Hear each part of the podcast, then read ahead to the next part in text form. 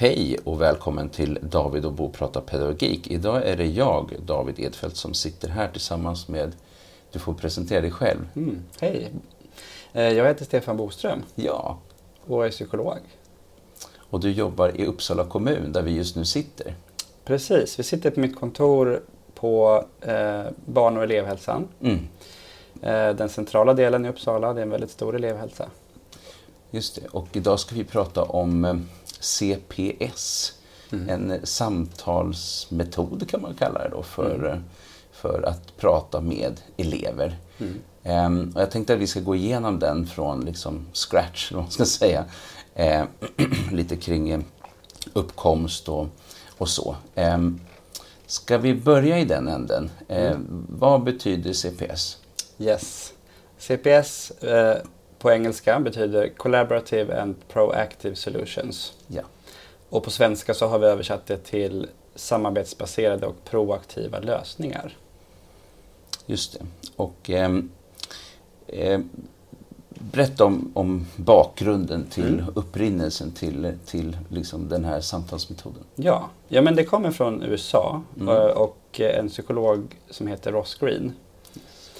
Eh, och han har jobbat, ja det är väl drygt 20 år med den här modellen. Eh, många har kanske läst en bok som heter Explosiva barn. Just det. Och den kom ju för ganska länge sedan. Det Ja. var väl kanske nästan 20 Mm. år sedan eller någonting. Det är den första boken som handlar om modellen, som beskriver modellen. Mm. Eh, och den är ju mest för föräldrar men nu finns det ju fler, har kommit flera efterföljare som handlar, som handlar både om hur man kan jobba med modellen i skolan men också för föräldrar. Mm. Eh, precis. Och eh, hans bakgrund eh, Mm. och vad har han jobbat med eh, för att liksom, mejsla fram modellen? Ja, ja men han har jobbat eh, Han har jobbat inom Jag tror han började sin bana inom institutionsvård i USA. Mm. Eh, för ungdomsbrottslingar egentligen. Som de ju har väldigt mycket av där. Eh, och att han såg att det användes eh, Ja, modellerna som användes där eh, funkade inte tyckte han. han. Och han såg liksom ett väldigt tydligt behov av att involvera de unga i lösningarna och i hela processen egentligen. Att eh, han motsatte sig nog starkt att man gör saker eh, mot och på barn och ungdomar utan att man ska göra saker med dem istället. Just det. Mm. Mm. Så det var där det började. Just det. Eh, ja. Och eh, han har ju varit väldigt många gånger i Sverige eh, och eh, har också liksom spritt modellen kan man säga. Det finns ett stort intresse så det finns ett nätverk i Sverige. Mm. Eh, Kan du berätta lite om, om nätverket innan vi går ännu mer in på själva modellen? Eh, Mm. hur, hur, hur, hur går det till så att säga? Kan vem som helst hålla på med det här? Hur ser det ut? Liksom? ja, alltså vem som helst kan ju hålla på med det om man läser en bok. Mm. Eh, Men något, något som har eh, lockat och eh, fått mig att hålla på och fortsätta med CPS det är att det, det, är en, det finns en ordentlig och bra tanke kring hur man ska lära sig modellen på ett bra sätt. Att man går en utbildning som i stort bygger på att man, man tränar på, på att ha samtal. Mm.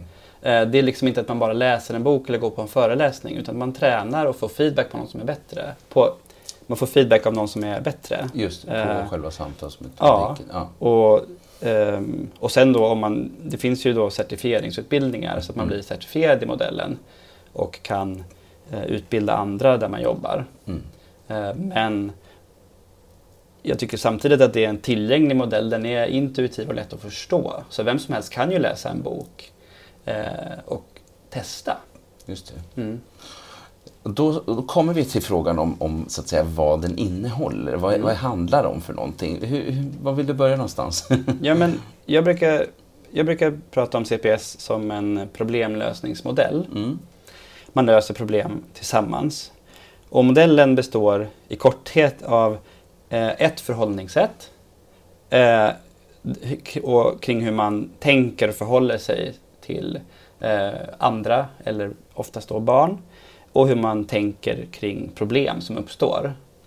Eh, och sen så består den också av eh, huvudsakligen två verktyg som man konkret jobbar med. Så det, det är det den består av. Just det. Och förhållningssättet, ehm, det är ju eh, uttrycket som eh, Ross Green har myntat, eh, barn gör rätt om de kan. Han, bruk, han säger kids do well if they can. Just det. Sen har ju det något som Bo Hailskov har eh, importerat och delvis gjort om i Sverige. Så, men det kommer ju från Ross Green. Mm, mm. Och det är, ju, det är ju många som, de flesta håller ju med om det om man förklarar det, att barn gör rätt om de kan. Eh, men det är ju ibland svårare att agera på det tänker jag. Alltså, jag, jag känner och tycker att det här är rätt. Mm. Men hur ska man då göra det i vardagen? Det. Och särskilt när, ele- när, när barn kanske inte beter sig eh, som de flesta barn och inte är följsamma. Då blir det ju svårare att ha ett sådant förhållningssätt. Eh. Och grunden kan man ju säga är ju då att eh, det här lite med kunna och vilja. Vad är Mm. det som, eh, alltså, man säger ju ibland det här, du kan om du vill. Men, Mm. men, men här blir det lite kanske mera tvärtom. Att eh, man, man börjar vilja när man känner att man kan eller när man får hjälp att kunna. Mm. Att det är någonting med själva kunnandet, det vill säga att det är svårighet på, no- svårighet på något Ja. sätt. Eh, och det, så det- som utgångspunkt egentligen, att det här är en, en elev, en person, ett barn som har det eh, svårt, tufft, som liksom krockar med tillvaron och, och sen att då hjälpas åt att lösa de problem som uppstår i relation till Mm. de här situationerna. Så kan, kan man se det så lite? Eller? Ja, precis. Mm. För att om, om eleven hade kunnat bete sig bra eller göra det som vi förväntar oss, då hade den troligen gjort det. Mm, mm. Eh, och, och, men, men vi brukar prata om eftersläpande färdigheter helt enkelt. Ja. Det är inte så att en elev eller en, ett barn man jobbar med kanske kommer ha de här svårigheterna för alltid eller Nej, ha en funktionsnedsättning. Mm. Det passar bra för barn med funktionsnedsättningar. Mm. Eh, men eh, egentligen eh, i alla lägen där vi har förväntningar på barn som inte uppfylls så, kan vi, så uppstår ett problem som vi kan lösa på det här sättet. Det tycker jag också är sympatiskt. Att det, det både är en modell som fungerar för, eh, för barn med stora svårigheter men också, alltså, vi har ju förväntningar hela tiden på barn som inte uppfylls. De är ju utvecklande individer. Mm. Eh, och då kan vi hjälpa dem i utvecklingen. Just det. Mm. Just det. Kan vi kika lite på hur man gör? Hur, Mm. hur ser själva processen ut? Vad kan det handla om för någonting? Eh, Det här har vi en elev med en eftersläpande färdighet, det vill Mm. säga har svårt för någonting. Vad kan det vara för situationer? Ja, men alltså det som vuxna ofta kommer med det är ju att eleven eh, kanske stör eller förstör eller är arg. Ehm, och det är det som gör att, att den, den kommer till, till mig eller till elevhälsan Ja. från första början. Mm. Eh, det man gör i CPS är att man fokuserar inte direkt på det. Man, man, man, man jobbar inte med att få bort de här beteendena. Utan om man tänker sig det här som en actionfilm där eleven eh, agerar ut eller har svårigheter. Det, det är liksom som actionscenen i den här filmen. Mm. Eh, så, så pausar vi filmen och sen så backar vi tillbaka till eh, innan det här hände. Vad var det för förväntningar vi vuxna hade på eleven? Ja. Mm. Och det är en väldigt viktig liksom, eh, tankevända som man behöver göra. Att man, ehm, det är svårt att lösa, det är svårt att lö, lösa problem i, i actionscenen. Utan vi behöver gå i början av filmen och se vad var det som gick fel från början. Eh, och det är där vi eh, det är där vi börjar sen också att formulera eh, problemet som vi sen ska jobba med. Ja. Mm. Så att vi börjar med en, det är det, det, är det första kartläggnings, eh, det första verktyget. Mm. Eh, Det heter ALSUP som är en kartläggning. Eh, Eller egentligen ett möte som de viktiga vuxna har tillsammans. Där, Och, och ALSUP, vad betyder det? Ja, det är bra att du frågar. Eh, ALSUP står för Assessment of Lagging Skills and Unsolved Problems. Just Så det är på svenska bedömning av eftersläpande färdigheter och olösta problem. Ja, Och det är det som kartläggningen heter, det är det man gör. Mm. Mm. Först så prickar man av vilka eftersläpande färdigheter man tror att eleven har. Och det är inte så att man behöver vara psykolog eller specialpedagog för att kunna bestämma om den har svårigheter med flexibilitet eller impulskontroll. Mm. Utan om vi vuxna som sitter och tillsammans och ska prata om eleven, om vi tycker att den har det, Mm. då sätter vi ett kryss där. Just det. Och det, att man gör det, det är egentligen bara för att man ska få på sig rätt glasögon Mm. och tänka, ja men just det, Ja. det här är svårt. Liksom. Ja, men man har ju liksom minnesbilden av vad som hände Mm. på lektionen igår när allting blev kaos. Ja. Men när vi tänker, okej men vänta, han har ju faktiskt svårt att hantera motgångar vid frustration. Mm, mm. Check. Just det. Så då får man på sig rätt glasögon. Mm. Så den delen av kartläggningen går ganska fort. Man Mm. tickar av egentligen 20-30 sådana eftersläpande färdigheter. Eh, Och efter det, då formulerar man det vi kallar för olösta problem. Mm. Eh, Och då kan man egentligen man kan gå igenom skoldagen till exempel. Så här, vad, vad är det för förväntningar som vi har på eleven som inte uppfylls? Mm. Och om det är en liten kotte så kanske det är att den har svårt att sitta på sin plats på samlingsmattan på morgonsamlingen. Mm. Det är ett exempel på ett olöst problem. Ja, just det. Eller man kanske har svårt att eh, turas om på gungan eh, på förmiddagsrasten. Mm. Eller man har eh, svårt att stå i ledet eh, när vi ska gå till matsalen. Just det.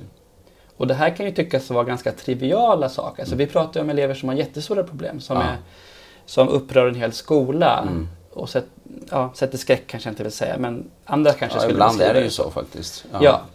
Eh, och det här kan man ju tycka är ganska triviala, små Mm, saker. mm. Men det är faktiskt så att ett sånt stort, en sån stor problematisk situation består av de här små problemen. Mm. Och det är svårt att lösa ett stort problem. Det går inte skulle jag säga att liksom bara lösa ett sånt stort, ett, en, en sån skolsituation i ett slag. Utan vi behöver börja med ett olöst problem. Mm, mm.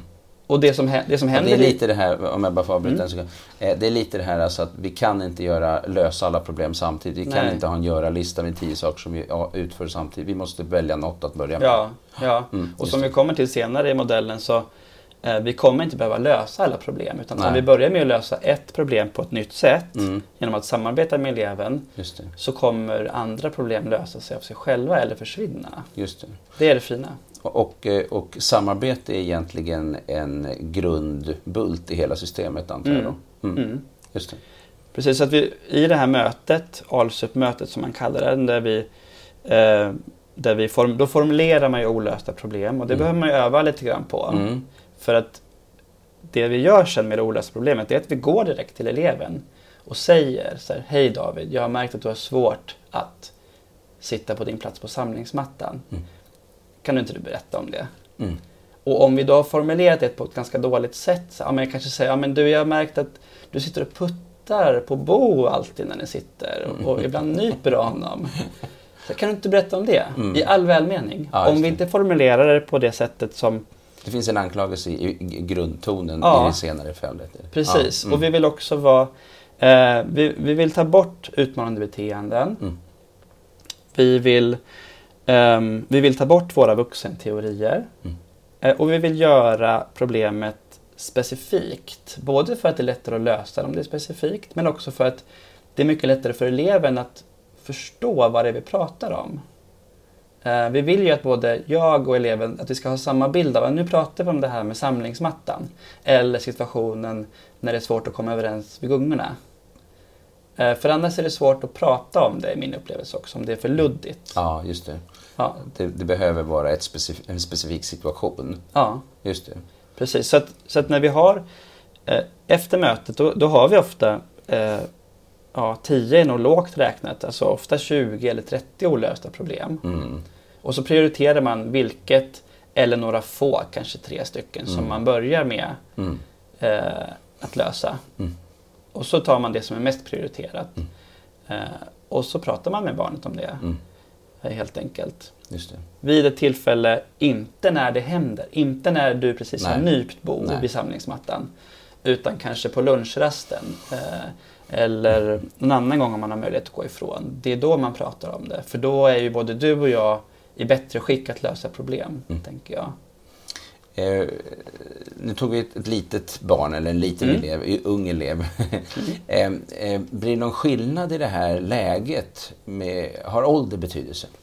Eh, nej, egentligen inte tänker jag.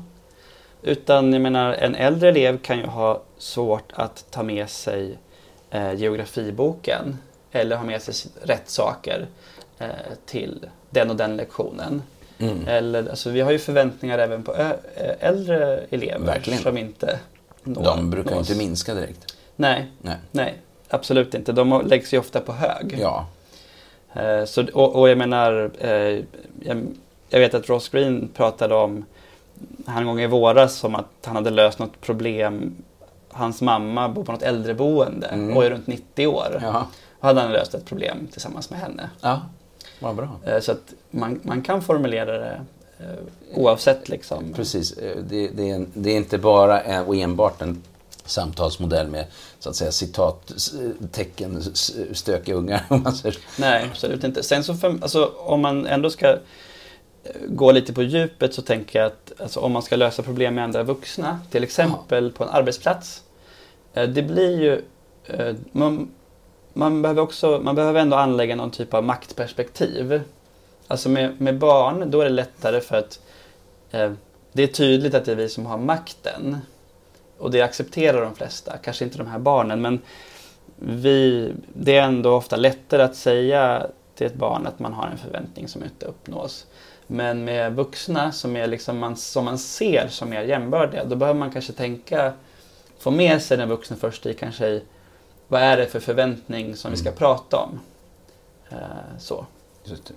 Eh, men, eh, men överlag så går det alldeles utmärkt att formulera med sin partner eller med en treåring också. Mm. Till exempel. Det gör ju att det på sätt och vis är en ganska allmängiltig också ehm, eh, typ av samtalsmodell, tänker jag. Mm. Ehm, eh, jag tänker i det här skedet av att ehm, sätta sig ner och prata om vad som hänt och vad som är, eh, alltså en situation då till exempel. Mm. Ehm, det måste ju ha ganska stor betydelse vilken inställning personen har. Jag tänker att Allsap är till för att få en bättre inställning till Mm. att det kanske inte var med flit och, och eh, jag förstår att du har jobbigt i livet och, att, eh, och så. Men kan det vara så att man har kört en relation i botten på grund av det gamla som har varit så att det egentligen inte lämpar sig att just den sätter sig med, med den eleven? Eller, eller är det alltid lämpligt att det är den som alltid är liksom i händelsernas centrum eller vad man ska säga? Ja, ja, men man, man rek- vi rekommenderar att man, det är, de, det är de som har problemet som ska lösa det. Ja, Eh, Nu är, nu är det ju inte så att vi ska ju inte prata om när du och Bo slogs på lunchrasten. nej. Utan vi ska ju prata om om ni hade svårt att komma överens om kringrutan. Eh, Ja, just det. Det gör det lite lättare Mm. eh, om jag till exempel var tvungen att gå in och, och sära på er. Mm. Så här. Att, så här, men vi ska inte prata om det. Jag är inte arg på dig. Så Nej. jag, vill bara, jag är nyfiken att veta vad det var som var svårt att fortsätta spela när Bo slog ut dig vid kringrutan. Mm. Det gör det lite lättare. Men det är klart att alltså, har, man en, har man en sämre relation till eleven då, ehm, då får man jobba lite mer i början. Och man kommer troligen få vara kvar längre i det som man kallar empatisteget, det första steget. Ja, Och där eleven kanske också visar att "Nej, jag vill egentligen inte prata med dig eller ni kanske säger fula saker eller sådär. Då får man ju bara då är man i början där och säger Nej, men du måste inte prata med mig. mm. Det är ingen som tvingar dig. Mm. Eh, Men när du känner dig redo så, så skulle jag, jag skulle verkligen vilja höra vad du tänker om det här, vad det är som är svårt. just det. Så att man, nu har vi redan, nu har vi gått in i första Ja, men det är bra för då kan du bara säga någonting om just eh, va- varför heter det empatisteget? Ja, ja men, eh, ja, men som, det, som jag hoppas att det märktes lite grann nu i det här som jag spelade upp. Att, Mm. att, att man är ju empatisk. Ja, man att det är har, en nödvändighet helt enkelt Ja. för att det ska funka på något sätt. Precis. Ehm, empati kan ju vara lite, det, kan ju vara, det är ju lite luddigt kanske skulle jag säga. Att Mm. vad är empati och hur ska man vara empatisk då, Ja. om man inte är psykolog eller, eller har, har något sånt eh, direkt människovårdande yrke. Ehm, för vi har ju övat på det. Vi Mm, har ju tekniker. Ja, Det är ju mm. inte, det är ju inte bara det är inte bara något liksom.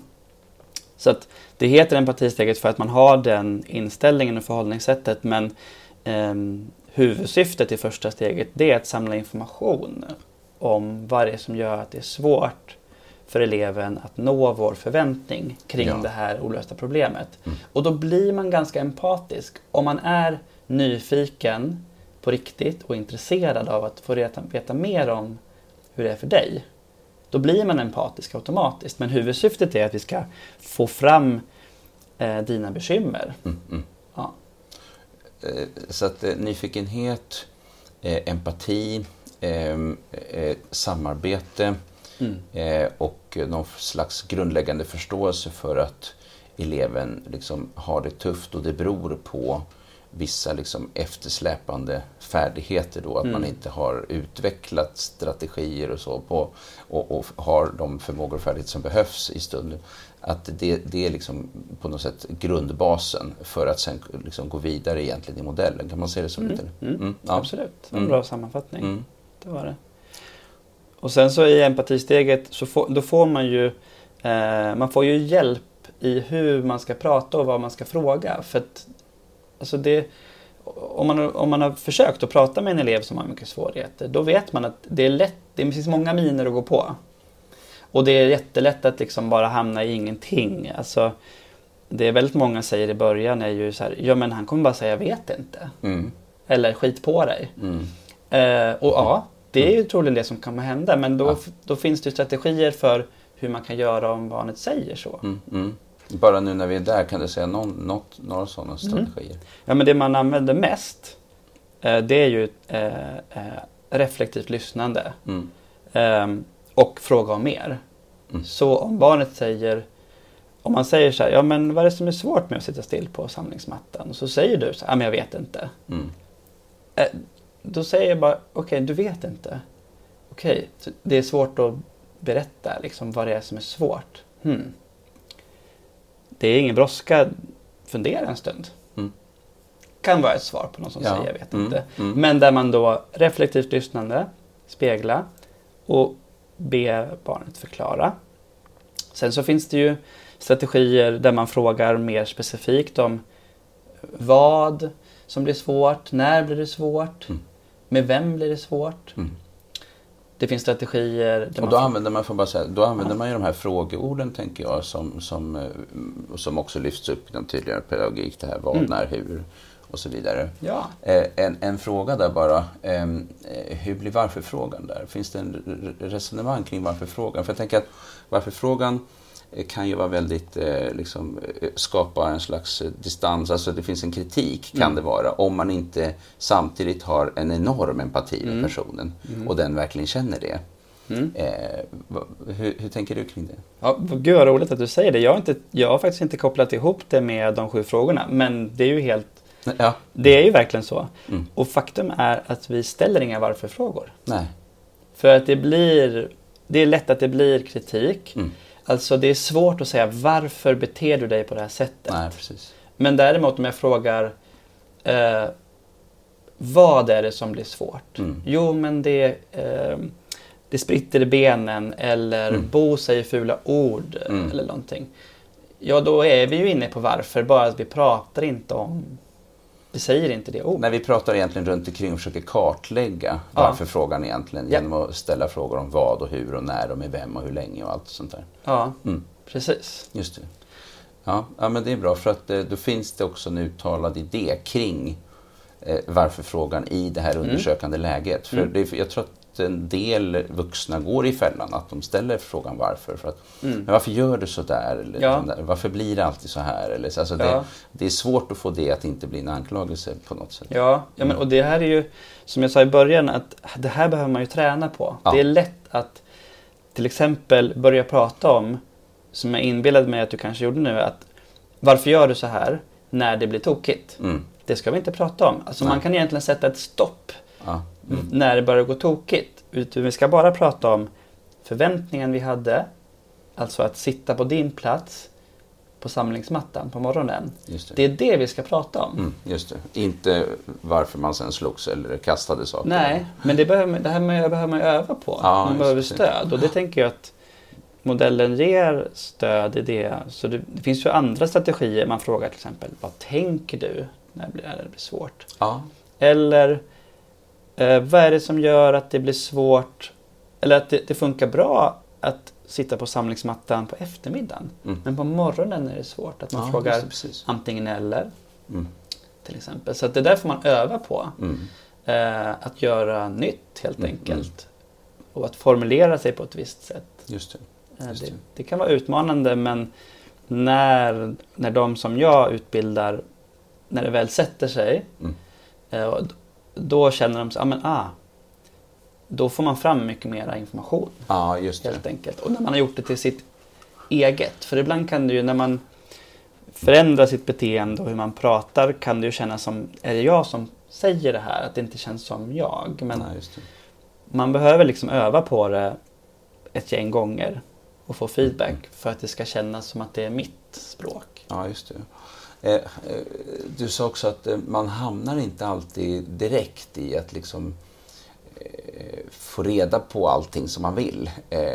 Och, det kan vara någon som säger "Men skit i det du eller liksom du är en idiot eller vad fan som Mm. helst.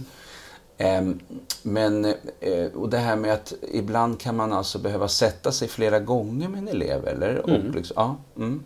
Precis, nu är vi ju inne på, på första steget. ja, bara där liksom. Kan Ja. det vara så att man inte Ja. Alltså att det kan behövas lite tid. Alltså, kan det vara det att ibland är man lite, man vill liksom lösa problemet på tio minuter för det är liksom, Mm. och ibland eh, svåra dilemman och när det har blivit såna här relationella eh, meltdowns, man ska säga, Mm, mm. så tar det lite tid. Ja. Ja, ja, men det stämmer. Och det vanliga, eh, vår vanliga reaktion när eleven inte säger så mycket eller inte säger det vi vill höra. Då säger vi varför vi tänker att det är ett problem. Det kommer vi få göra sen i modellen. Och sen så säger vi en lösning. just. Eh, Men det är alldeles för... Vi behöver ju samarbeta på riktigt med eleven och då kan vi inte gå vidare från empatisteget förrän vi har eh, ett eller flera bekymmer som eleven tänker är rimliga och som stämmer och som jag förstår. Mm. Eh, Och då kan det innebära att vi pratar vid flera tillfällen om elevens bekymmer, att vi är i empatisteget. Liksom. Eh, Det, det, är en, det, är en, eh, det, är, det är en viktig del i modellen helt enkelt. Just det. Stanna kvar. Ja. Och det kan ju också, det kan också lätta liksom en del stress från den vuxna. att Okej, nej, jag behöver inte, det är inte jag som behöver komma på lösningar. Det är inte jag som behöver genomdriva någonting utan det gör, vi ska prata om det och komma fram till det tillsammans. Mm. Det kan vara ganska skönt också. Just det. Mm. Mm. Eh, vad händer sen då? Ja. I nästa svep? Ja men precis. Ja, men när vi har identifierat eh, de här bekymren eh, då sammanfattar vi alltid så, och ser med eleven, som stämmer det här? Finns det fler?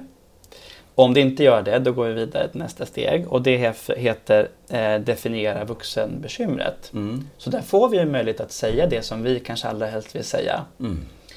Eh, I och för sig kanske på ett mer neutralt och tydligt sätt än det vi brukar säga. Just det. Eh, Vi ska inte säga ett sanningens ord till eleven här. Nej, men det. här Läxa upp. Nej men här, nu har ju eleven fått säga sitt bekymmer. Mm. Och nu är det vår tur att säga varför vi tänker att det här äh, olösta problemet, varför är det ett problem? Ja, just det. Eh, ja men om vi pratar, går tillbaka till det här med exemplet med samlingsmattan så kanske mitt vuxenbekymmer är att eh, du missar det genomgången så sen så är det svårt för dig att veta vad du ska göra. Mm. Eller att eh, jag blir störd. Jag har svårt att prata när ni har svårt att sitta bredvid varandra och, då, och det blir problem. Då blir det svårt för mig att hålla genomgången. Så att här förklarar jag liksom varför tycker jag att det är ett bekymmer. Och det kan vara ett bekymmer antingen för dig, för eleven alltså, Mm. Ja. Mm. eller för någon annan. Det Mm. faller alltid inom någon av de kategorierna. Eller så kan det ju vara det för båda då. ja, just det. Precis. jag kan ju ha flera Mm. bekymmer. Ja. Så här ska vi ju inte övertyga eleven om någonting utan vi ska bara förklara så att eleven förstår. När det här händer, då blir det så här för mig eller då blir jag bekymrad över det här eller tänker Ja, egentligen konse- ja, konsekvensen av att förväntningen inte uppfylls. Nej, just det. Alltså om man har svårt att göra klart eh, bråktalen på mattestencilen då handlar det säkert om någonting med inlärning från en vuxens perspektiv. Mm. Mm. Eh, Vilket ju då måste betyda att ibland så får de vuxna reda på saker och ting som de kanske inte riktigt hade koll på. Mm. och att de själva behöver göra förändringar och anpassningar då i, sin egen, i sina egna förväntningar. Absolut. Men för, alltså empatisteget är en, det är en grundbult och kanske det viktigaste. Men jag skulle ändå säga att definiera vuxenbekymret eh, är nästan lika viktigt. För där får vi vuxna fundera på vad är det jag egentligen förväntar mig av eleven? Ofta Ja. gör vi saker av slentrian eller för att det har funkat. Mm. Men nu funkar det inte med den här eleven. Och då, då får vi fundera först själva, kanske innan vi pratar med eleven om Okej, jag, har- jag, jag vill att eleverna ska gå i led till matsalen. Men varför är det viktigt? Mm. Alltså, och varför blir det ett problem? Ja, Och det har vi ofta inte tänkt på eller definierat så tydligt. just eh, vilka förväntningar som ligger bakom eller varför det är viktigt för mig att det ska vara på det sättet. Eller Ja, va, nej, varför det är viktigt att det Ja. ska vara på ett visst sätt. För, för Mm. förväntningen är ju, alltså det är, det är ju ett beteende liksom. Jag vill, jag vill att ni ska bete er på ett visst sätt. Men varför vill jag det? Mm. Varför är det viktigt? Mm. Ehm, och det, det, det kan vara ganska viktigt att ha koll på. Och tycker jag när jag har jobbat med personal. När vi, eh, när vi pratar om förväntningar och olösta problem och om deras perspektiv och varför de tänker att det är ett problem.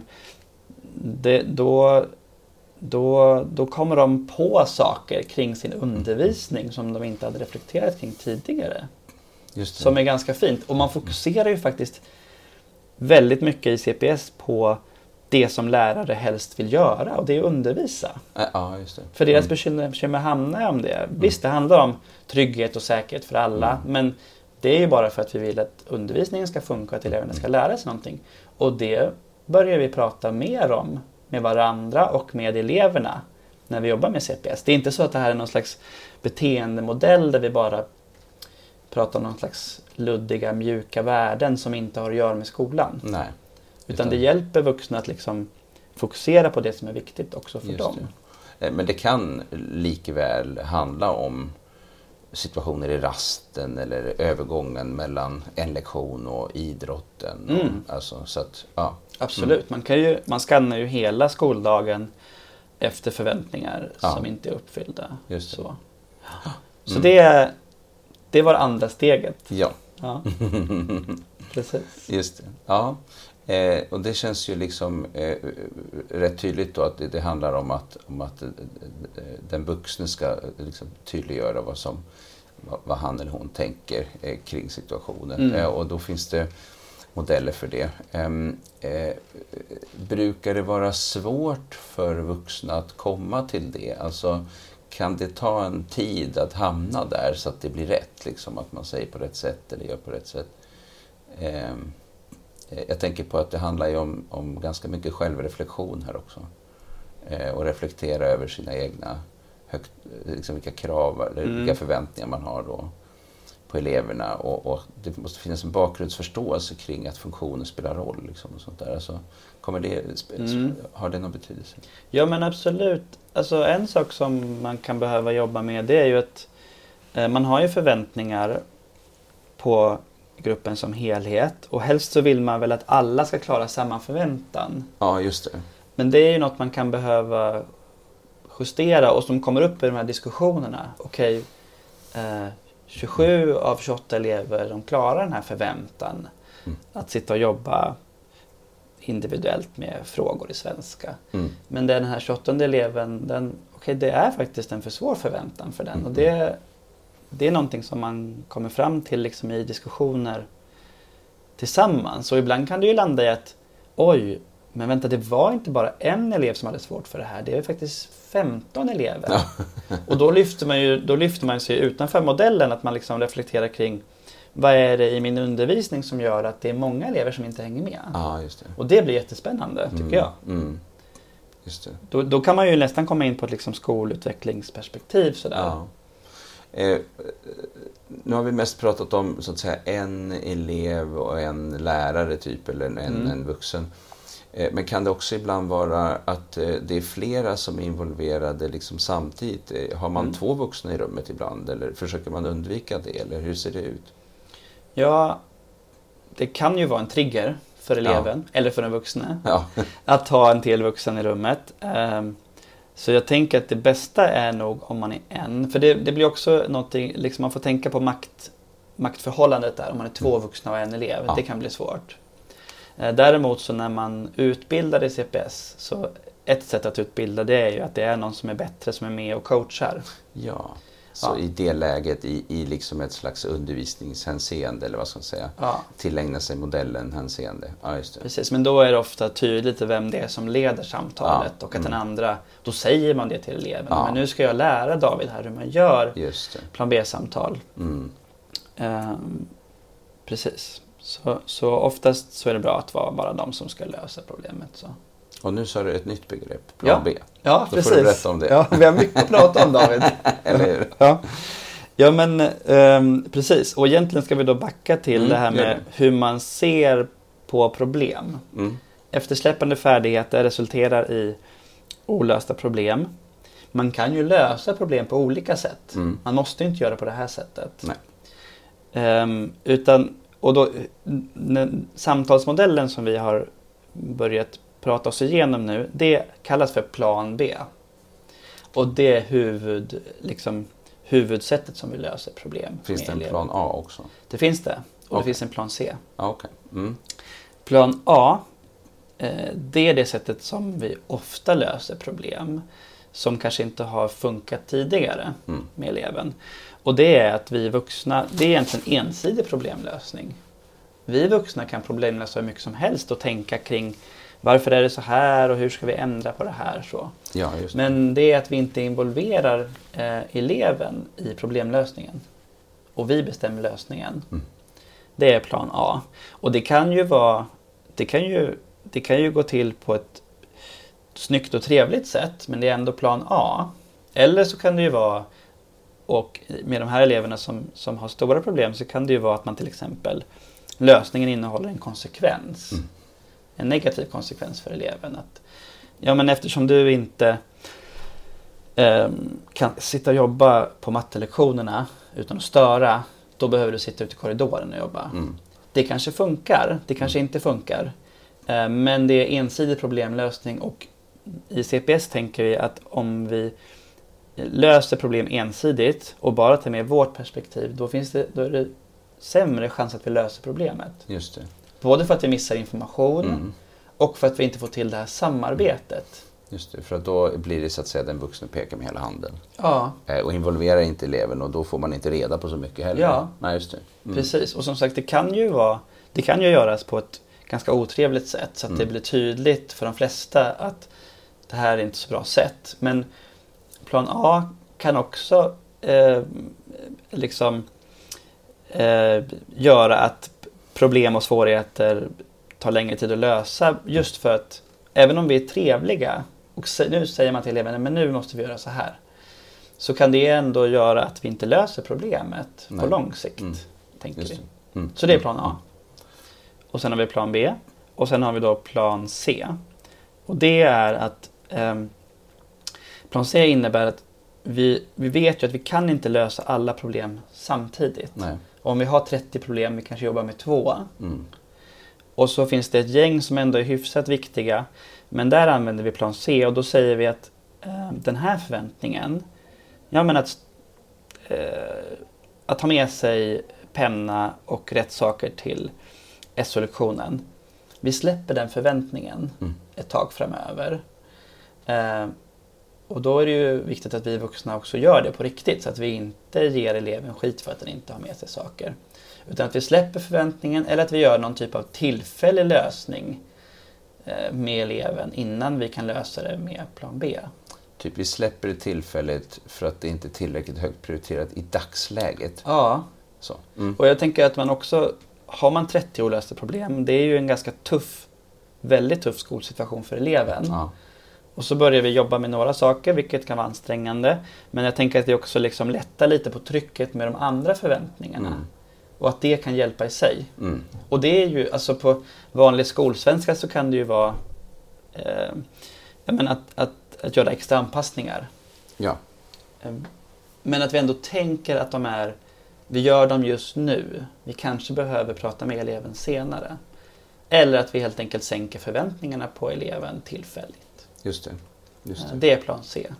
De är lite smarta de där eh, A, B, C. För att eh, A är adult och B Mm. är both och C är child. Liksom. Alltså, Ja, just det. Det, det har inte jag tänkt på. Nej, och, eh, och det tycker jag är lite kul. Ja. För att eh, det är ju samarbetsbaserat det här. Och det Ja. är ju den där, plan B är ju both. Liksom. Ja, Så att, och A blir ju då den vuxnes väg och C blir barnets väg eller elevens väg. ja kan man säga. Eh, Och eh, plan B. Men, men så att A och C är mer så här liksom, de, de finns med för att man ska förstå varför man håller på med B, typ lite. Mm. Eh, och eh, lite grann prioritering för en själv också. Eh, och att komma ifrån att för mycket utav A har ju inte fungerat tidigare så särskilt bra. Så vi måste till någonting annat.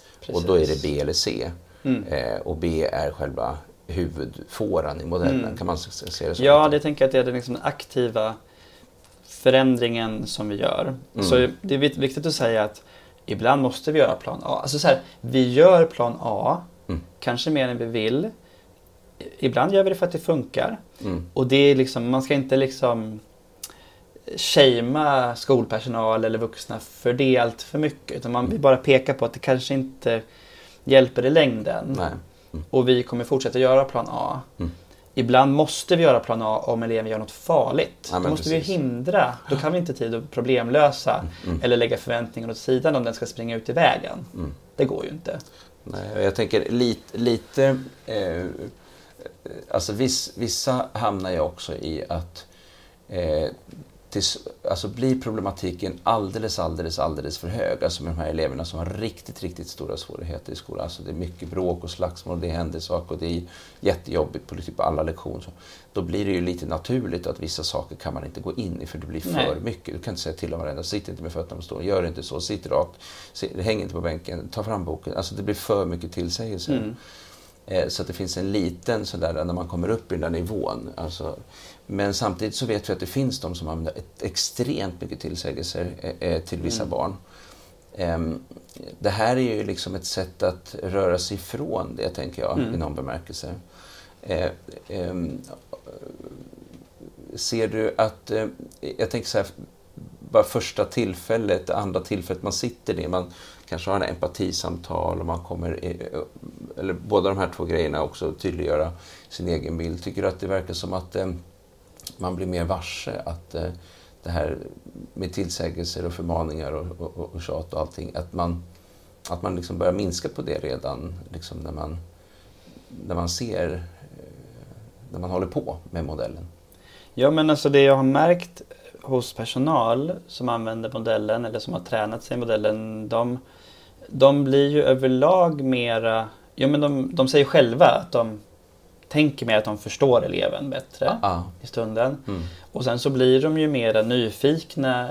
Alltså istället för att kanske säga till eller någonting så blir de mer nyfikna. Ah, Vad var det som blev jobbigt på rasten? Ah, Eh, Att de ersätter det med, med nyfikenhet. med nyfikenhet och intresse. Och det är ju Den är ju jätteviktig. Det är ju fint. Mm. Får jag bara säga det här om, om det är en elev som har jättemycket svårigheter. Mm. Då, fin, då tycker jag ändå att plan C har verkligen sin plats. Ja. För ibland behöver man verkligen sänka förväntningarna för att Mm. det är en så svår situation för eleven. Just det. Då behöver vi liksom backa lite. Eh, backa lite, liksom lätta på gasen för att det ska bli lättare för eleven. För att Mm. eleven och vi ska kunna andas. Mm. Och, men ändå med medvetenhet om att sen går vi över till plan B Just med det. några av de här sakerna. Ja, ja. Eh, ja. Då har vi haft empatisteg och så har vi haft det här att den vuxne säger vad, vad han eller hon, så att säga, det egna perspektivet. Mm. Och sen då? ja. Sen eh, kommer vi till sista eh, steget i Mm. plan B-samtalet. Eh, och det är inbjudan till lösning. Mm. Och då har vi ju eh, elevens bekymmer. Vi har våra bekymmer. Och i sista steget ska vi komma på en lösning som gör någonting åt de här bekymren. Och ofta så har man ju, eleven kanske har några bekymmer. Jag kanske har ett eller två bekymmer. Eh, det vanligaste det är att man får välja ut ett bekymmer som är viktigast att göra någonting åt. Du får också välja ut ett bekymmer som, som vuxen att göra någonting åt först. Ehm, och sen så, det är ju det är ju där egentligen själva problemlösningsfasen kommer in. Att vi säger så här, ja men du, jag har märkt att det är svårt för dig att sitta bredvid Bo på samlingsmattan på morgonen. Och ditt bekymmer eh, det är att eh, det gör så ont att eh, sitta liksom, sitta liksom, sitta på mattan på golvet Mm. liksom så.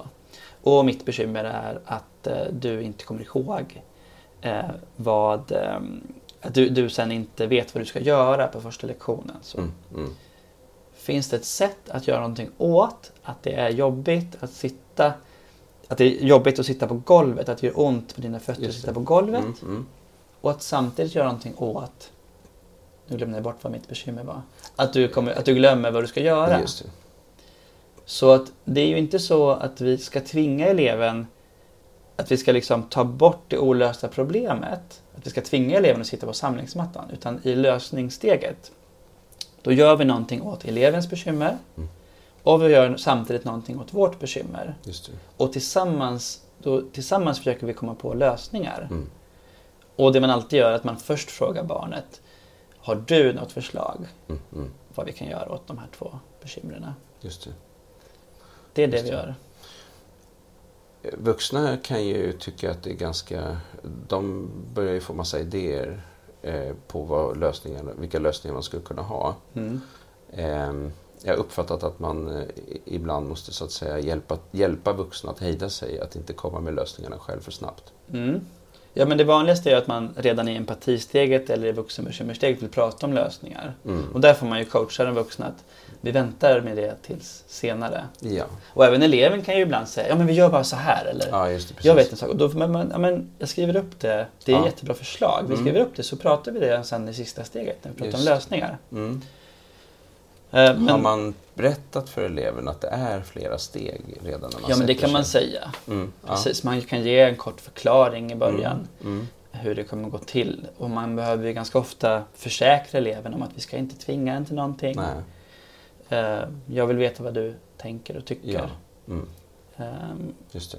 precis. Men när man, det man gör, alltså antingen så kommer, om eleven har ett förslag på lösning. Eh, det man gör då är att man värderar det utifrån två kriterier. Och det första är om det är realistiskt. Mm. Alltså kan du göra det? Mm. Kan jag göra det? Just det. Eh, och det andra är om det är ömsesidigt tillfredsställande. Och det betyder alltså bygger det, bygger lö, gör lösningen någonting åt våra respektive bekymmer. Just det, så att det både blir bra för, för eleven och att det blir bra för läraren i Ja. det här fallet. Mm. Precis, och då för varje lösning man kommer upp, oavsett om det är jag eller barnet som kommer med det, så behöver man prata om det. Ja, här, kan du göra det här? Funkar det för dig? Mm. Mm. Kan jag göra det? Ja, det. det. kan jag. Tillfredsställer det ditt bekymmer? Ja, men då gör vi något åt ditt bekymmer. Och vi gör, ja men då funkar det. Mm. Just det. Då har vi en lösning. Just enkelt. Här, här kommer vi in på kunnandet igen. Ja. Eh, och då tänker jag så här, eh, då hittar man en lösning, säg att eh, eleven sitter på en stol istället eller att eh, eleverna sitter med ben i kors istället eller sitter på en kudde så man kommer lite högre upp så att det inte gör ont eller att man hittar någon annan sån där lösning. Eh, eh, så kan det ju vara till Mm. exempel.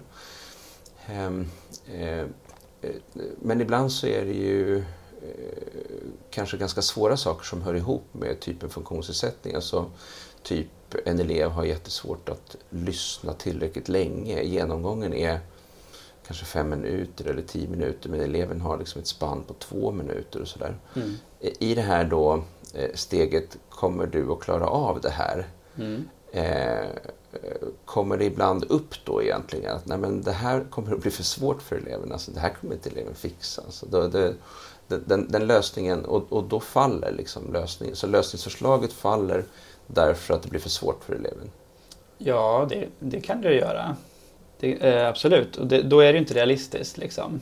Nej, utan det är det här realist, att om det är realistiskt, det, det, det behöver man pröva och det är en viktig del också Ja, i den här slutfasen. Ja, jätteviktig del. Det är ju liksom... ehm, jag glömde bort vad jag skulle säga. Eh, Jag kan Mm. ställa en annan fråga då. Eh, För, för då tänker jag så här att eh, det betyder ju, om man då tänker på det här med kunnandefrågan, så betyder det att ehm, eh, eh, viss, alltså, vissa problem kanske man kan ha svårt att lösa eh, med vissa elever därför att det är för svårt. Jag tänker till exempel på ja, men elever i särskolan till exempel, eller, eller träningssärskolan. Alltså att det, det, kan bli svårare att... Alltså vissa saker kan man ju förstås göra, men vissa saker kommer bli för svåra att lösa och då betyder det egentligen att då måste de vuxna helt enkelt förändra sitt sätt. Det, mm. det är liksom de vuxnas sätt som, som det handlar om och, och så kan det vara också i, i andra sammanhang, alltså mm. i grundskolan också och med, kring vissa elever. Att det handlar om att jag måste bli, fundera över, ska jag ha en genomgång som är 30 minuter när jag har en elev som har typ mega ADHD? Mm. Trots ja, men det kanske inte funkar i den klassen. Och, för då kommer man tillbaka också till eh, undervisningsmetodik och didaktik, alltså hela eh, undervisningsgrund. Liksom. Hur, hur, hur får man till det i en klass där variationen är så stor? Mm.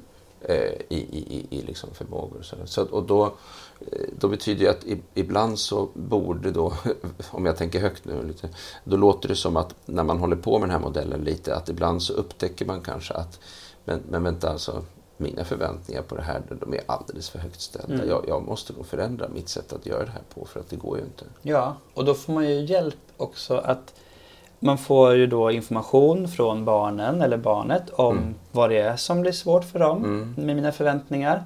Och man får också hjälp att fundera kring, okej, okay, det här var för svårt, men vad är det viktiga för mig? Vad är det jag vill åstadkomma med den här typen av undervisning till ja, exempel? Just det. Och, och sen och blir det lättare att justera sitt arbetssätt, tänker jag. Just det. Så det är lite trevligt också. Ja, Ehm, jag såg någon video någon gång när Ross Green eh, eh, själv gjorde någon slags gemensam problemlösning i ett klassrum. Mm. Alltså den här modellen, nu har vi pratat väldigt mycket om, om en individ. Eh, men det här att göra det liksom i lite mer kollektiva, för det är ju samma grundprincip egentligen då, mm. tänker jag, att lyssna på vad är det som händer i klassen, varför blir det så rörigt och stökigt mm. i början på klassen när jag ska prata och berätta om saker, alltså så lite.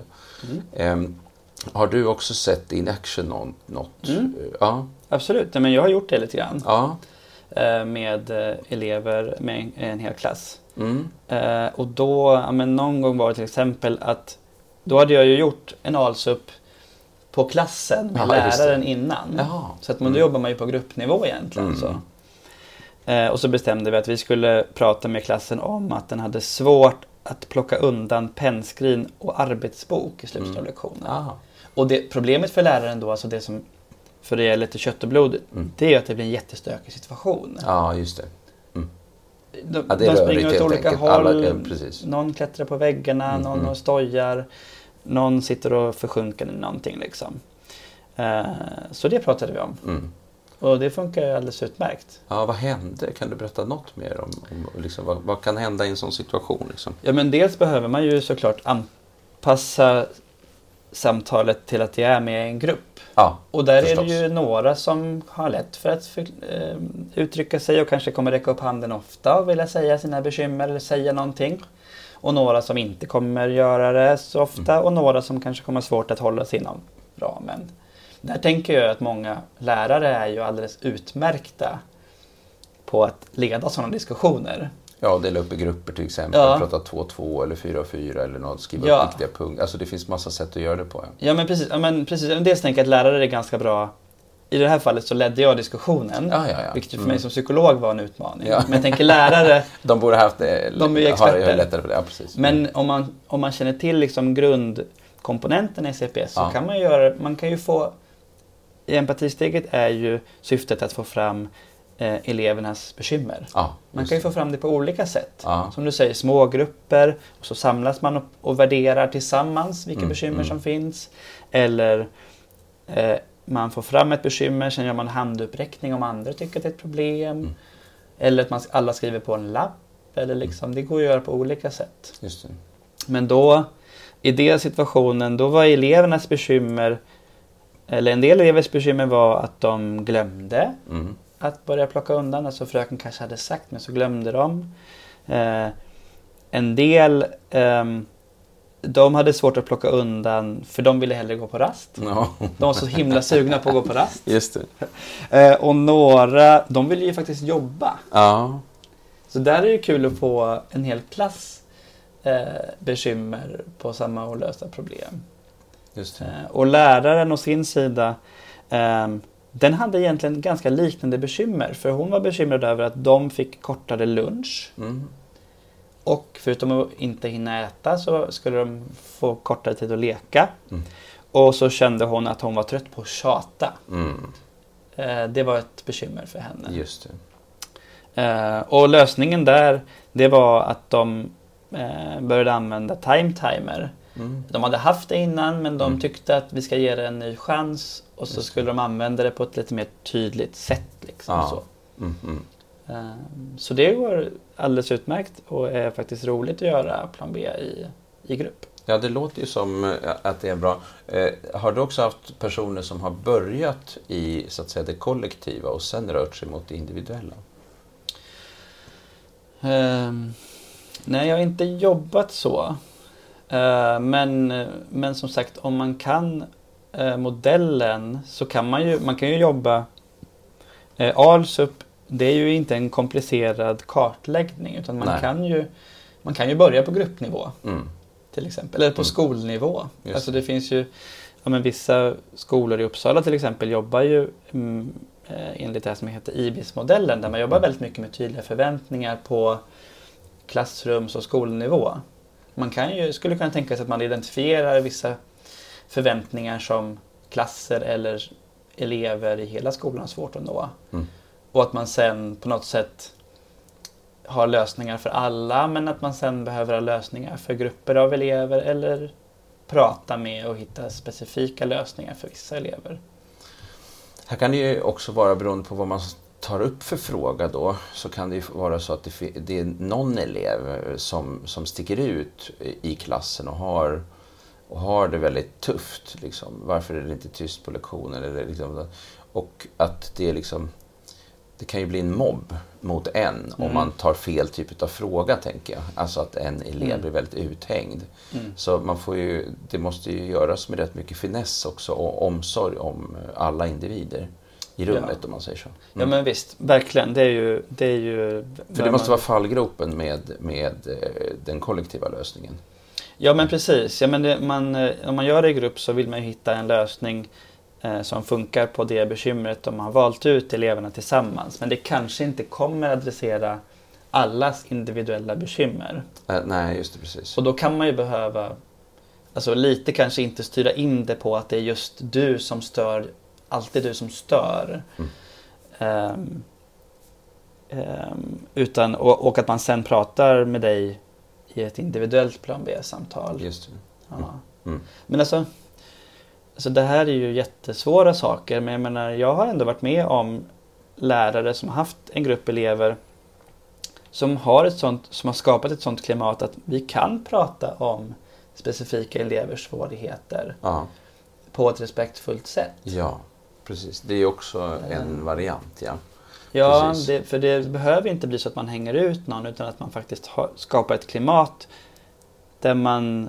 Alltså de det som händer när man gör plan B-grupp är att då får ju då får ju de, an, då får man ju, då får de ju också öva på att höra på de andras bekymmer. Just det, precis. Ja. just det. Ehm, ja. Eh, Jag tänkte på en annan sak som ju då är lite intressant för att det, det låter ju som att man skulle kunna använda modellen också eh, i samband med, säg att vi har tre elever som ryker ihop på fotbollsplanen eh, och eh, det blir så att säga en konflikt som uppstår för att liksom se vad var det som hände i konflikten. Kan man Mm. tänka så också? Eller? Mm, ja, men det går att ha, eh, det går att ha flerpartssamtal. Mm. Precis. Och om det är den här elevgruppen som liksom just, just nu den här veckan hatar varandra. Då kanske man måste ha plan B-samtalen. Eh, kanske i alla fall empatisteget var och en för sig. Ja, just det. Och sen kanske man kan liksom gå emellan och medla och lite halvt informera. Och sen så kanske man i lösningssteget eh, kan ses. Mm. När man Just har lite grann kunnat lugna ner eh, situationen. Just det. Så, Just men det går att göra också. Mm. Ja. Mm. För eh, det är ju i grund och botten en problemlösningsmodell. Men Mm. den inbegriper också den här förståelsen för individen eller individerna. Eh, och de olika parterna då. Man tänker liksom att det är eh, en elev eller en elevgrupp och så en lärare. Liksom, eller, eller då att det är tre elever säg, Ja. som, som har en... Ja, mm. Ja men precis, jag tycker att det är ett bra sätt att, eh, att lära ut till elever och också till vuxna hur samarbete kan gå till eller om man ska Mm. vara ännu lite mera högstämd, liksom hur demokrati kan gå till. Att ehm, vi ska lyssna på alla. ja. Alla har, allas röst är lika viktig. Och det här är ju inte en modell där elever får som de vill. Nej, Eller där lärare och vuxna bestämmer. Utan vi lyfter det är fram... mer A eller C. Ja, ja, men vi lyfter fram allas bekymmer Ja. Mm. och försöker hitta en lösning eh, som funkar för alla. Mm. Så det tycker jag är ett, ett eh, ja, det blir en bra spin-off effekt att man liksom praktiserar demokrati eller samarbete. Just det. Det behöver man ju öva på. Ja, men precis. Det är inget man bara lär sig. Så att liksom. egentligen kan man säga att det här går också in under eh, egentligen också lite det här demokratibegreppet som också är en Ja. viktig del i skolan. Där. Alltså inte, vi har ju så många olika delar men, men det här tangerar alla möjliga olika eh, liksom, mål som egentligen finns i läroplanen. Ja, och jag tänker också att jag har jobbat väldigt mycket med elever i särskilda undervisningsgrupper. Mm. De som har de största Ja, svårigheterna. precis. Och där tänker jag att ehm, eh, deras röst har väldigt sällan blivit hörd och de Nej. har väldigt sällan blivit delaktiga i Mm. saker som rör dem. Och jag menar, det är ju lättare att praktisera demokrati eller att lära ut samarbete till elever som inte har eftersläpande färdigheter. Men de här andra eleverna, det är ju lika viktigt att vi ger dem en röst, de andra Mm. eleverna, och gör dem delaktiga i saker som rör dem. Vilket vi ju måste göra enligt Ja. lag Mm, mm. nu, nu för tiden enligt barnkonventionen. Ja, Så det är ett sätt att liksom få, få fram deras perspektiv också. Ett sätt att göra barns röster hörda Ja. blir det ju då. Mm, Ja, precis. nej, men det tycker jag är fint och viktigt. Ja, verkligen. Det är helt avgörande. Jo, eh, jag funderade också på, eh, när du har varit, du utbildar ju på det här området och eh, har då träffat en del eh, personer i, som har varit i, involverade i de här processerna som det ju ändå blir också för en själv att liksom tillägna sig en, en, en modell och, och samtala utifrån den. Så, vad, vad, vad ser du utav eh, någon slags resa som händer för den som börjar? Alltså, vad, vad händer för, för Mm. människor som börjar använda sig av den här modellen? Ja, men för det första, om man utbildar sig i modellen så som det är tänkt, alltså att man övar och får feedback. eh, Det är ju något som många vuxna är ganska ovana vid Mm. och kan liksom spontant rygga mot. Liksom att, att eh, kanske spela in sig själv. Att någon ska ge en eh, tydlig feedback på vad man gör och inte gör och sådär. Ehm, så det kan vara lite ansträngande i början men det som jag har märkt för de personerna är att de sen men de börjar ju se att det händer saker, att de Ja. börjar ändra sig. Vilket man ju troligen inte har gjort på de här otaliga föreläsningarna som man har, har varit på. Så de har... ehm, ja, men, ja, men jag pratade med en god tidigare lärarkollega. Um, ja, men hon, alltså hon är en extremt empatisk eh, och kompetent lärare och som har gjort elever delaktiga tidigare. Men hon känner att hon har blivit uppat sig flera nivåer av att faktiskt lyssna på elever Mm. som hon själv spontant säger att det, men, och då får jag ju veta massa saker som jag inte visste. Just det. Så det är något lite med att man ibland kanske har lite för bråttom med att komma med lösningar eller komma med svar Ja. eller att säga sin egen åsikt. Och här stannar man upp lite, lyssnar lite mer på, är mer nyfiken, tar lite mer, lite mer tid för den processen Ja. helt enkelt. Ja. Och då behöver man ju, för att kunna åstadkomma den förändringen hos sig själv, då behöver man ju, tänker jag, en metod att hålla sig en ledstång liksom. För annars är det så lätt att, att, eh, Man glider iväg. att man, det känns svårt och man glider Ja. iväg eller man blir lite, eh, lite för exalterad och glider iväg. Liksom. Och då är det bra att ha en ganska tydlig metod. Eh, så. Men sen så tänker jag när man jobbar Det är ju dels en utbildning för individer liksom så, men sen så jobbar man ju också i hela arbetslaget. Och när man då gör till exempel ALSUP så har ju när man har gjort ett par så märker personalen själva och också jag att man får ett gemensamt språk. Alltså det här är ju saker som väcker så mycket känslor i vanliga fall. Just. Så det blir någon är arg, någon kommer med en lång anekdot, någon vill berätta någonting hur man själv har upplevt saker eller gjorde förr i tiden eller någonting. Här blir det ju lite mer strukturerat och att man får ju det här gemensamma språket och vissa arbetsgrupper som jobbar med CPS har liksom de har märkt att de får mer tid till annat för att Ah. det blir inte långa historier eller diskussioner utan man identifierar olösta problem. Mm. Sen går man och pratar med eleven. Mm. Vi behöver inte sitta på en konferens i en timme och prata med en elev utan Vi kan börja kan gå vidare. direkt. Ja, men Ja. så, så det Och, och det måste egentligen också betyda att eh, en hel del utav det som sker, sker egentligen mellanrummet mellan personals eller lärares eh, gemensamma diskussion. Mm. Alltså att det är inte på mötet som vi löser det utan det är mellan mötena som vi, som vi försöker hitta ingångarna. På mötet så kan vi sen diskutera utfallet av det, hur gick det? Alltså det måste bli någonting med med då, eh, hur arbetar vi systematiskt? Mm. Alltså att man, man, man kanske kan systematisera upp sitt arbete på ett mer, bättre sätt Mm. då när man har det här att förhålla, äh, hålla sig till. Ja, men man blir ju liksom... Andra kollegor har sagt att de har blivit lite indoktrinerade så att de ju tänker i olösta problem Mm. när det händer. Så, Just det. aha, mm, det var det olösta problemet, nu hände det olösta problemet. Och det, får man ju, det kan man ju tycka vad man vill om, men, men eh, det, man får en annan struktur som om man sen kan implementera det i sin organisation, Mm. ja men då, då blir det ju mer eh, effektivt och ändamålsenligt tänker jag. Just det. Ja. Men det krävs ju ändå... Det här är ju inget som implementerar sig av sig själv. Nej. Det behövs ju ett tänk som i allt annat som man ska göra. Ja, och det måste finnas någon eller några som är drivande och det måste finnas en vilja i organisationer att, eh, att liksom bestämma sig för att det här är Ja. betydelsefullt och så vidare. Ja, precis. Mm, Ja. mm. Precis. Just det. Ehm, eh, Är det något mer som är betydelsefullt när det gäller liksom själva modellen som man brukar prata om som vi nu inte riktigt har fått med nu? Oj, jag tror inte det. Jag tror Nej. att eh, vi har fått med det mesta. Ja. Jag funderade på, eh, har du någon slags känsla av vad som händer för eleven?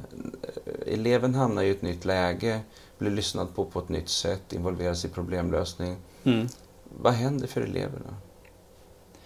Ja, men alltså, ja, men precis som du säger att eleverna säger själva att de blir lyssnade på. Mm.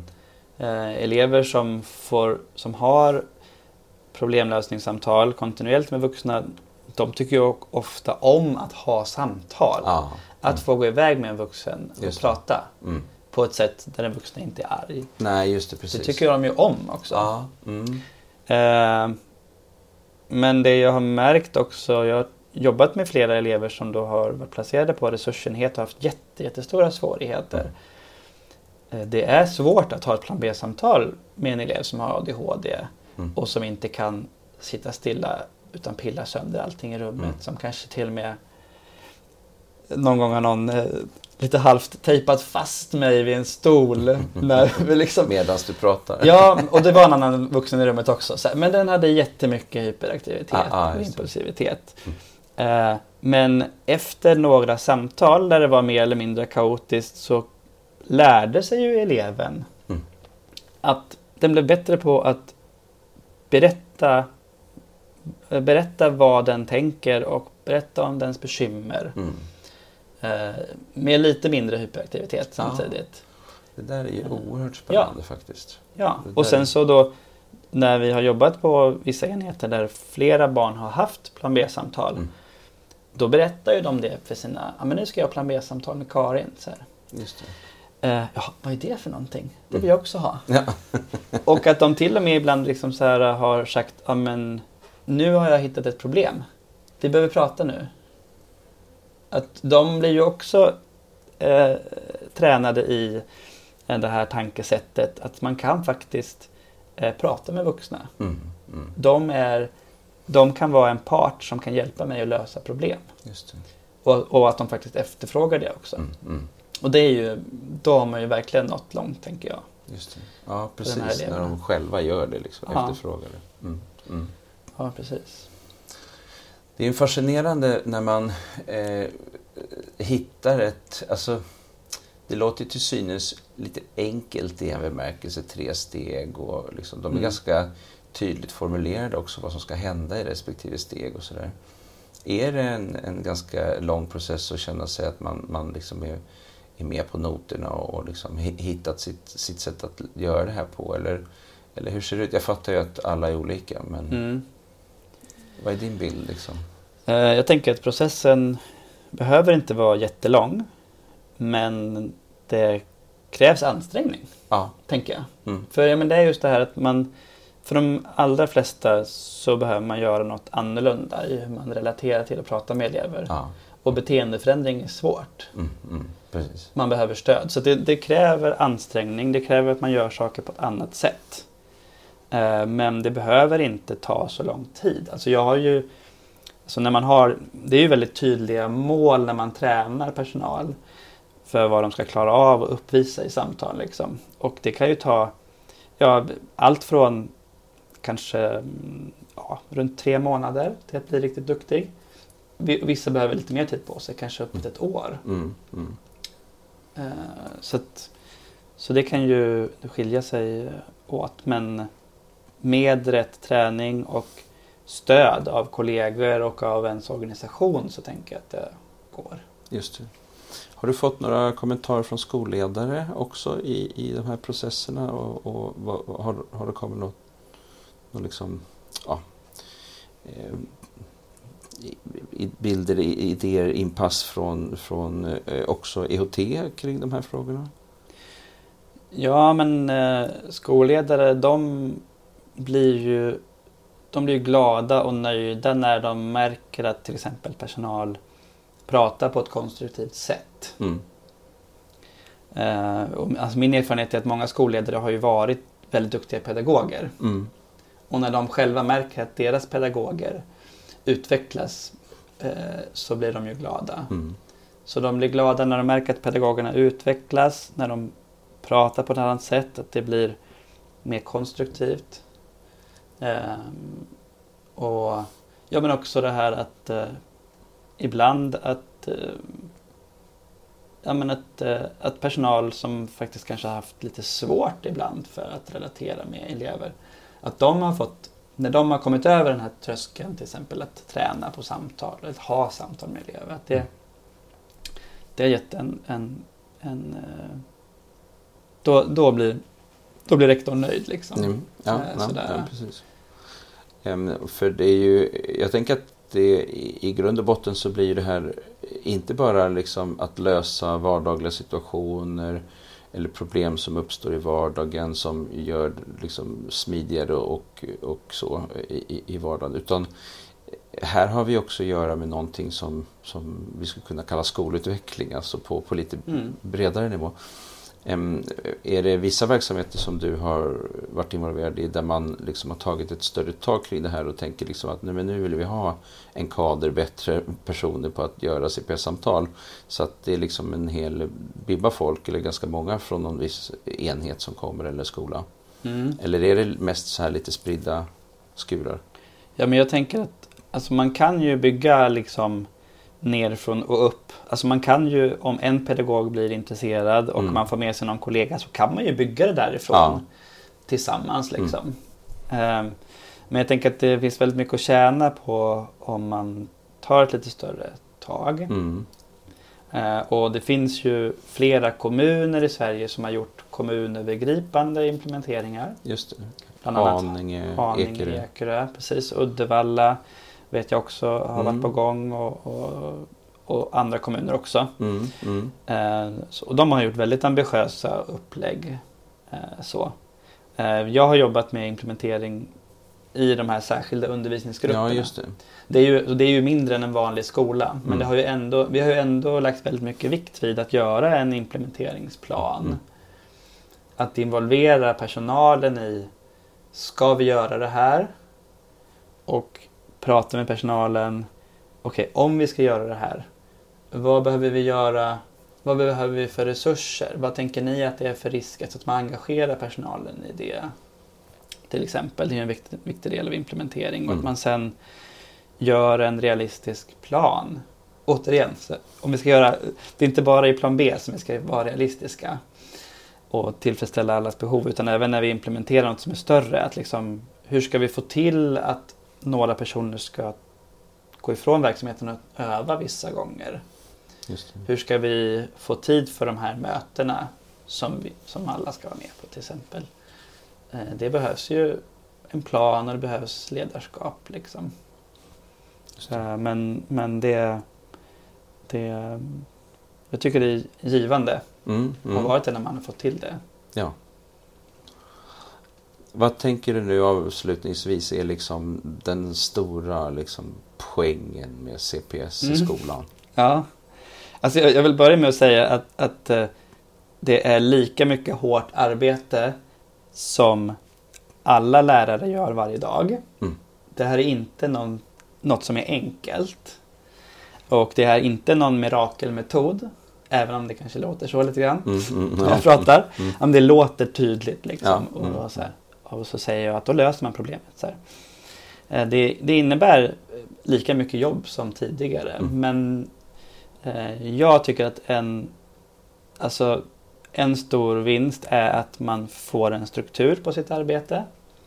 Och det som jag tycker är finast av allt är ju helt enkelt att Ehm, att vi gör det tillsammans med eleverna. Jag tycker att det, den tiden när vuxna styrde världen eller, liksom som, eller bara eh, löste saker åt elever och åt barn. Den är liksom förbi. Utan mm. att jag tänker att vi behöver göra det tillsammans. Och det, det gör verkligen CPS. Man, man får med sig alla i det. Mm. Det tänker jag är jätteviktigt. Vi stannar där. Tack mm. så jättemycket. Tack. Tack. Vad roligt.